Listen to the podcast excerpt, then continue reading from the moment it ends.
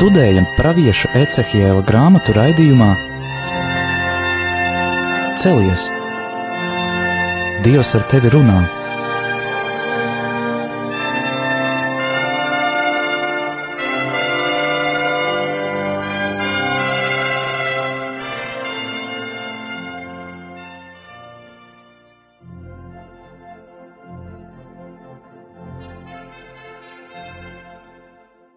Lai ir slavēts Jēzus Kristus.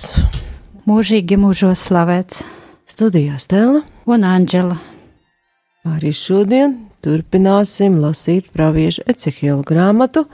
Un pagājušā reizē jau sākām iedziļināties tekstā, kurš runā par rakstu rituļa ēšanu. Jo varam ievērot, ka svētajos rakstos ļoti bieži ir šī izteiksmes veids tāds, ar ko apzīmē it kā pavisam citu procesu, kurš ļoti tieši caur kādu cilvēcisku vai dabas norisi pasaka to, ko Dievs liek darīt. Jo mums uzreiz liekas ārprāts, kas tas tāds ir, ēst rakstu rulli, nu kā viņš vispār tur bija taisīts, un abās pusēs jau konstatējām, ka viņš ir aprakstīts ar vienām viedīgām nelaimēm un to apraudāšanu. Kaut gan varam saprast, ka arī šie brīdinājumi, kurus pravietim Ecihielam jāpēd, nav tā, kā dažkārt cilvēki dara. Cilvēkam kaut kas nepatīk, un viņš otru sāk nospiest ar pamācībām, brīdinājumiem un dusmām. Šeit tā ir dieva atbilde, viņa brīdinājums, tad viņa dotā iespēja tautai atgriezties no slikta ceļa. Varam sākt pievērst uzmanību jau visiem tiem apstākļiem, arī kādi vārdi un jēdzieni ir lietoti un kā viņus labāk saprast. Te var redzēt, ka pravietis tiek sūtīts tik tiešām tādā ļoti nepateicīgā un nepatīkamā misijā, un lielākoties jau tās visas tādas ir, un Dievs visu laiku viņam atkārto nebīsties.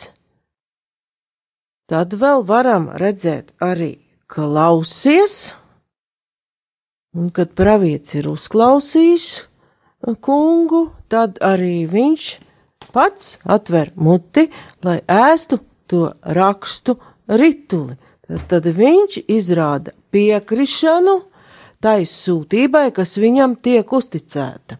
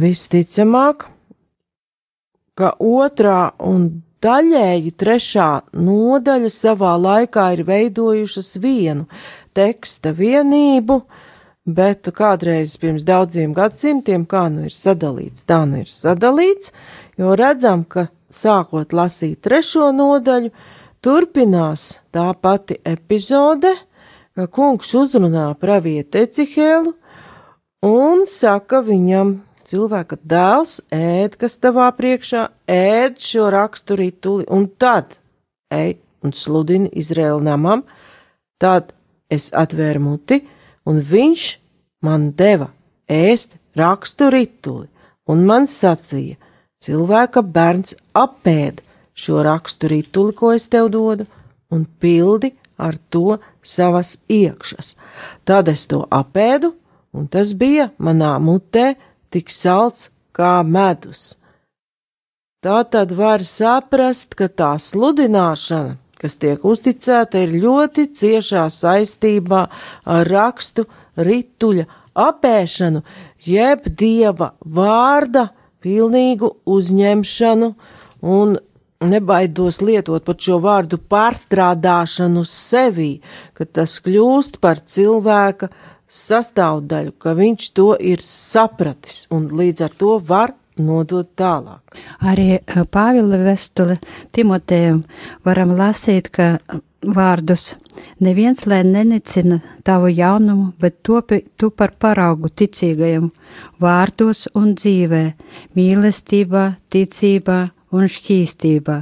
Tiekams es nāku, nododies lasīšanai, paskubināšanai, mācīšanai, nenicini dāvanu, kas ir tevī, kas tev tika dota ar praviešu vārdiem toreiz, kad presbiteri uzlika tev rokas. Par to gādā pie tā paliec, lai tavs briedums būtu redzams visiem. Esi nomodā par sevi pašu un par mācību, turies pie tā, jo darīdams to, tu izglābsi gan pats sevi, gan tos, kas klausās tevi. Paldies! Un te arī jaunajā derībā ir runāts par šo pravieša aicinājumu un vārda nodošanu tālāk. Un arī iedziļināšanas vārdā, ja? Tas ir tā pati Kā ēšana, apēst, jā. sagramošana. Sagramot. Un kāpēc tas būtu tik svarīgi? Jo ko iesākt ar to tautu? Varam saprast, ka tā nav vienkārša morāla pamācība, bet tas ir Dieva vārds vēstulē ebrejiem par Dieva vārdu. 4. nodaļā 12. pantā mēs lasām, jo Dieva vārds ir dzīves un spēcīgs un asāks par katru abās pusēs griezīgu zobenu un spiežas dziļi iekšā, līdz kamēr pāršķir dvēseli un garu, locekļus un smadzenes, un ir domu un sirds prāta tiesnesis.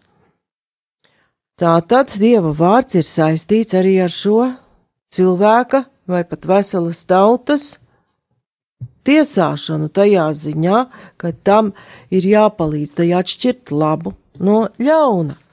Arī Jāņa evaņģēlie pa vārdu, dieva vārdu ir teikts, gars dara dzīvu, miesa nedara nenieka, vārdi, ko es jums runāju, ir gars un dzīvība.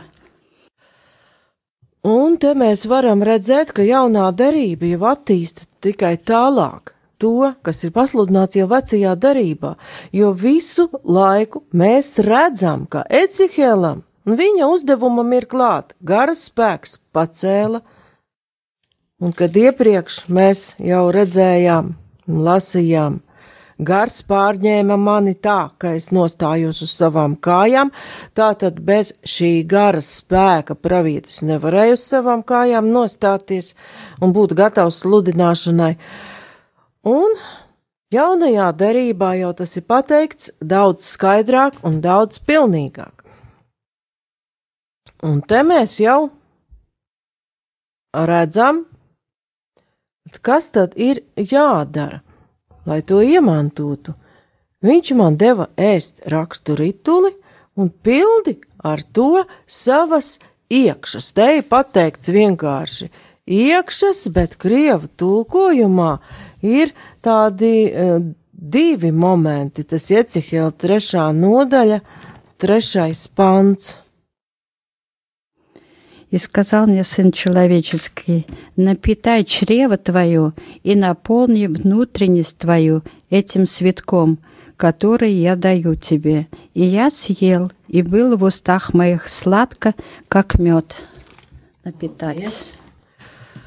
Tātad te ir lietoti pat divi jēdzieni - napitai čreva tvoju un napaļņi внутренность. Tātad visu savu vēderu tā piesūcināt, padarīt pilnu un arī, kas tajā vēderā vēl iekšā ir tās iekšas piepildīt pilnībā, piepildīties ar Dieva vārdu, ar visām tām spējām un tieksmēm, kuras cilvēkam ir dotas, jo ar dažādām tādām cilvēka sastāvdaļām, ja tā varētu izteikties, svētajos rakstos ir pateikts pat daudz kas vairāk, jo mēs pat psalmos varam lasīt, kad ir salauzti visi mani kauli. Tas nenozīmē medicīnisks lūzums, bet gan to, ka psalma autors ir pilnībā garā satriekts un līdz ar to arī viņa miesa ir vā, vāja un vārga.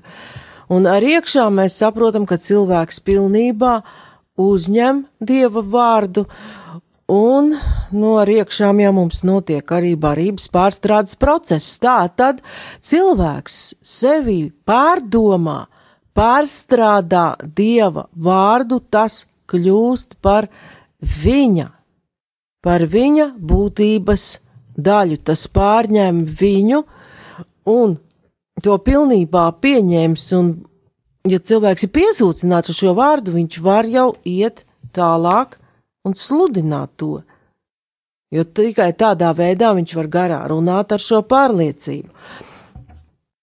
Arī uh, apakstuļu darbos mēs varam izlasīt, kā Pāvils, Svētais Pāvils tika aicināts uz sludināšanu, iedams ar tādu nolūku uz Damasku ar augsto priesturu atļauju un pilnvaram es ķēniņu dienas vidu uz ceļa redzēju gaismu no debesīm, spožāku par saules gaismu, apspīdam mani un manus ceļa biedrus. Mēs visi nokritām pie zemes un es dzirdēju balsi ebreju valodā uz mani sakām, Saul, Saul, ko tu mani vajā? Tev grūti nāksies pret dzenulis pārdīt. Es sacīju, kas tu esi, kungs? Tas kungs atbildēja, es esmu Jēzus, ko tu vajā, bet celies kājās, jo tāpēc es tev esmu parādījies, lai tu man kalpotu un apliecinātu, ka tu man esi esi redzējis, un ka es tev parādīšos, lai tevi izglābtu no šīs tautas un pagāniem, pie kuriem es tevi sūtu. Paldies! Tātad te šī parādība varbūt pat ir saprotamāka jau kopā arī ar to, ko redzēja Ecehils. Tā tad varētu saprast, ka gan pravietis Ecehils, gan Pāvils redz vienu un to pašu personu, tikai Ecihelam vēl nebija pilnīga atskarsme, ka tas ir pats Kristus, šī dieva gudrība, ar kuru Viņš runā, un kurš ar savu roku viņam sniedz šo vārdu, kurš ir pilnībā jāuzņem sevī, jāsagremo, un tad ar to jāiet pie tās tautas ar cietu pieri. Un kā jau iepriekšējā reizē eh, teicu, tu esi tas, ko ēd, un tas attiecas ne tikai uz miesas barību, bet arī uz šo garīgo barību. Ja cilvēks būs uzņēmis sevī dievu vārdu un centīsies to pārdomāt, paturēt sirdī, tad paturēt sirdī arī tad notiek šī sēdēšana vārdā un viņa pārstrādāšana, tas mainīs pašu cilvēku. Un arī Svētā Pāvila vēstuli kolosiešiem mēs varam Lasiet Dievu vārdu, Kristus vārds, lai bagātīgi mājo jūsos, pamāciet, paskubināt citu, citu visā gudrībā ar psalmiem, himnām un garīgām dziesmām, žēlastībā dziedādami savās sirdīs Dievam, un visu, ko vien jūs darāt, vārdos vai darbos, to visu darat Kunga Jēzus vārdā, pateikdamies Dievam, Tēvam caur viņu. Tā tad arī šeit jaunajā derībā turpinās šī sēdēšana vārdā. Un mēs redzam, ka arī Ecihielam kungs vairākas reizes atkārto, ko es tev dodu. Ēd šo rakstu rituli, tātad pat atkārtoti. Un tātad tas atstāja pēdas, sekas tāpat kā barība cilvēka miesai, jo kas notiek, ja cilvēks ēd kaitīgu barību, mēs ļoti labi redzam, ka tas atstāja diezgan briesmīgas zīmes uz viņa ārieni. Un, ja cilvēks pieņem arī savam garam sēnālu barību, kaut kas slikts notiek arī ar viņa garu. viņš paliek tāds, kā viņa māca, tā lasām viela, kurai labāk tomēr klāt neiet. Bet, ja viņš ņem šo dievu vārdu un pārstrādā sevī, tad atbilstoši mainās viņa domāšana, viņa spriedumi, un mainās pat šīs viņa rakstura kvalitātes, viņam rodas šī drosme un nepieciešamība saklausīt šo dieva balsi un iet sludināt tai tautai ar uh, cietu kaklu. Un varētu likties, kāpēc salds kā medus, un kad Decihils tā labprātīgi atvēra muti, lai apēstu, pārstrādāt sevī tik briesmīgu vārdu - tiesa, sots un raudu dziesmas. Ar to ir pateikts arī tas, ka patiesības vārds, pat ja tas satur biedinošus teikumus, un pamācību, kas nevienmēr ir patīkama, ir jāpieņem sevī kā barojošs un patīkams pat mūsu garīgajam kuņģim. Un cilvēks, kas labi ir iesakņojies vārdā, jau sāk saprast dieva likumu un viņu gribu, spēj ar prieku pieņemt arī biedinošu vārdu, arī tādu vārdu, kuri pateikts pat par cilvēci vai kādu tautu, vai pat pašu mums katru kaut kas nepatīkams. Un tas ļauj saskatīt arī to, ka katrā šajā vārdā, lai cik viņš pirmajā brīdī liktos negatīvs, tāpat arī Jāņa atklāsmes grāmatu bieži saka, ka viņa visot vienkārši briesmīga. Tā varētu likties, bet tikai tad nav līdz galam atšķirta viena vienkārša lieta, ka tam pāri visam stāv kunga griba un ka viņš tomēr paliek uzvarētājs, un ka labā ziņa tajā visā ir tā, ka tas viss notiek viņa kontrolē, jo arī šeit tā tauta ir ar ļoti cietu pieri un tiepīga, bet jau pati pravieša sūtīšana ir cerības zīme, ka viņiem ir jādzird šis sūrais vārds par to, kas viņus sagaida, lai viņiem būtu kāda iespēja tomēr savu nostāju mainīt.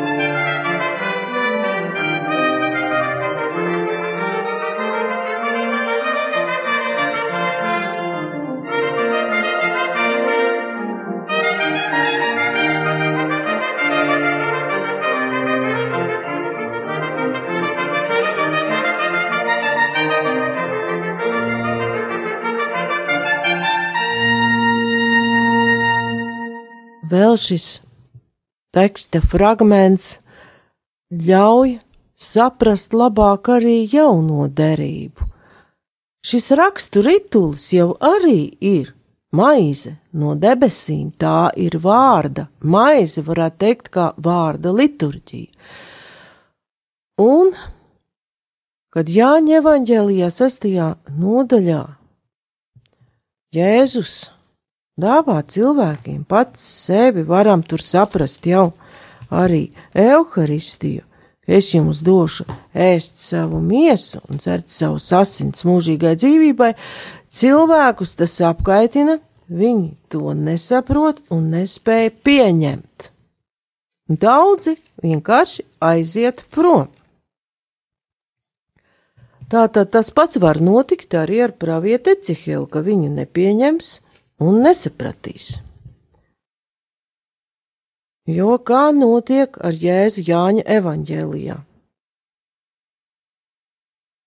Viņš saka 6. nodaļā, 56. pāns, kas manu miesu bauda, manas asinis dzer, paliek manī, un es viņā. Itin kā mani sūtīs dzīvais tēvs, un es esmu dzīves tēvā, tāpat arī tas, kas mani bauda, būs dzīves manī.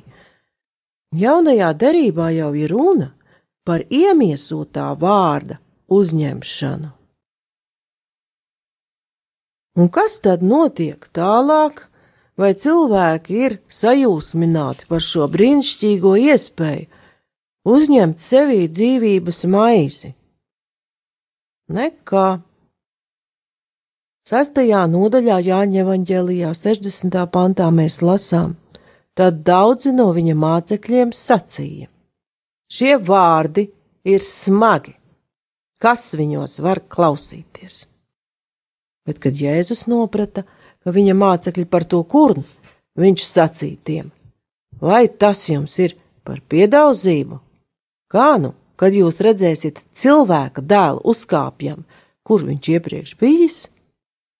Un ir jau tas, ko lasīja Anģela, gars ar dzīvu, miesa neder nenieka, vārdi, ko es jums runāju, ir gars un dzīvība. Tā tad mēs redzam, cik cieši jau sasaistās kopā pravieša Ecihēla grāmata ar jauno derību, šeit pat ar Jāņa evaņģēliju. Un vēl varam nedaudz uz raidījuma beigās pieskarties arī tam, pie kādas tautas tiek sūtīts pravietis un kādā veidā tad viņam runāt to, kas tiek uzticēts. Te var saprast divējādi. Tādas divas nozīmes, kas ir cieši saistītas. Vairākas, kādas divas reizes mēs te varam redzēt, saki tu tiem, tā saka, kurš runā viņiem manus vārdus. Un no teksta varam saprast, ka ne tikai nodot apēstā vārda jēgu šai tautai, pie kuras pravietis tiek sūtīts, bet arī runāt viņa vārdiem. Tā tad var saprast, ka ļoti bieži šajā pravieša aicinājumā tiek izmantots tieši šis dieva vārds, jau pat grāmatā fiksēts un uzrakstīts, un varam ievērot, ka nereti ir tā, ka pat tas iedarbojas labāk tieši pateikts nekā skaidrojums. Tad runā manus vārdus maniem vārdiem, kā es tos esmu devis. Tādā ceļā tiek aicināts pravietis Ecehils, bet tā kā jaunajā derībā šis pravieša aicinājums ir visai baznīcai, tas attiecas uz katru, kurš ir baznīcā. Un tādēļ arī ir daudzkārt šis atgādinājums nebīsties, jo cilvēka vērtējošais skats tā kā tā paliek, un pat saprotot vārdu un viņu kārtīgi sagramojot, tomēr rodas nedrošība un bailes, kā tad ies ar to sludināšanu, jo tie, kam ir jāuzklausa, šeit ir tādi ļoti stipri vārdi lietoti. Izrēla namam ir bieza piere un cieta sirds. Sirds dziļākā vieta cilvēkā, kur tiek pieņemts lēmums par vai pret dievu, tā tad viņu sirdis ir nocietinātas. Un Izraēla nams neuzklausīs, negrib tevi uzklausīt, taču tie neuzklaus arī mani. Izraēla namam ir bieza piere un cieta sirds. Un kungs norāda pravietim, ka sūtu pie Izrēla nama, ne pie citām lielām tautām, kam sveša valoda un nesaprotam izteiksme, kuras vārdus tu nesaproti. Un te ir tāda interesanta piebilde, kas jaunā derībā parādās vēl daudz spilgtāk. Taču ja es tevi pie tām sūtītu, tās tevi uzklausītu. Kā pagānu tautas uzklausītu kunga vārdu, un tālāk šai gūsta vēsturē, kad gūsts beidzas, mēs jau varam redzēt, kā gara dvēsmai padodas pagānu valdnieks Kīrs. Kīrs bija persiešu valdnieks, un pilnīgi iespējams, ka viņa reliģija, starp citu, arī bija monoteisms kas viņām deva jau zināmu apjēgu par vienīgo dievu un atvērtību uz vienīgā dieva gara iedvesmām. Un arī apstuļa darbos ir rakstīt uh, to, ko Jēzus saka saviem apstuļiem, mācekļiem, bet jūs dabūsiet spēku, kad svētais gars būs nācis par jums, un būsiet mani liecinieki, kā Jeruzalemē, tā visā Jūdejā un Samarijā, un līdz pašas pasaules galam. Paldies! Tātad te ir pateikts, ka tiks dots viss nepieciešamais, lai liecinātu, un šeit jau šis pravieša aicinājums paplašinās, tā jau ir liecība visai pasaulē. Un arī pravietis Ecehils tiek labi apbruņots, lai spētu liecināt, lai dotu šos pravietojumus savai tautai Jo kungs viņam saka, 3. nodaļā, 8. pantā: Redzi, es nocietināšu tavu vaigu līdzīgi viņa vaigam. Es tev došu cietu pieri, kas būtu līdzīga viņu pierē. Kā dimantu, kas cietāks par klinti, es darīšu tavu pieri. Nebīsties no tiem, lai tevi nebaida viņu vaigs, jo tie ir nepielaidīga cilts. Ja kāds eh, kaut ko saprot no akmeņiem un to cietības pakāpes, mēs redzam, ka kungs gatavojas dot Ecihielam vēl cietāku pieri nekā tai tiepīgajai tautai, jo dimants pieder pie viscietākā, eh, viscietākais minerāls, viscietākais akmens, kāds dabā sastopams. Un šī rakstu vieta, ka Ecihielam tiks dot šis cietība, šī izturība atcauc atmiņā arī tekstu par cietēju kalpu izsaja grāmatā. Tātad pravieša Ecihēla uzdevums kaut kur ir arī jau līdzīgs cietēja kalpu uzdevums, var teikt, arī mesijānisks uzdevums sagatavot pestīšanu, jo tur mēs lasām jau varam lasīt no 50. nodaļas 5. panta. Cietēja kā tas kungs atvēra man ausis, un es neatteicos un neatkāpos. Ecihela grāmatā arī kungs aicina klausīties. Un tad ir septītais pants, bet Dievs tas kungs man palīdz, tādēļ es nenokļuvu kaunā, tādēļ es apcietināju savu seju kā akmeni, jo es zināju, ka nepalikšu kaunā. Tad arī tur cietējam kalpam ir ļoti grūta situācija, bet ir klāt kunga palīdzība. Bet kā pravietis jau nonāk pie savas tautas un sāk šo grūto darbu, mēs lasīsim jau nākamajā raidījumā. Paldies par uzmanību! Studijā bija Stela un Anģela.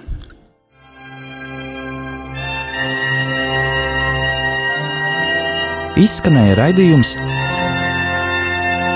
Celies! Dievs ar tevi runā!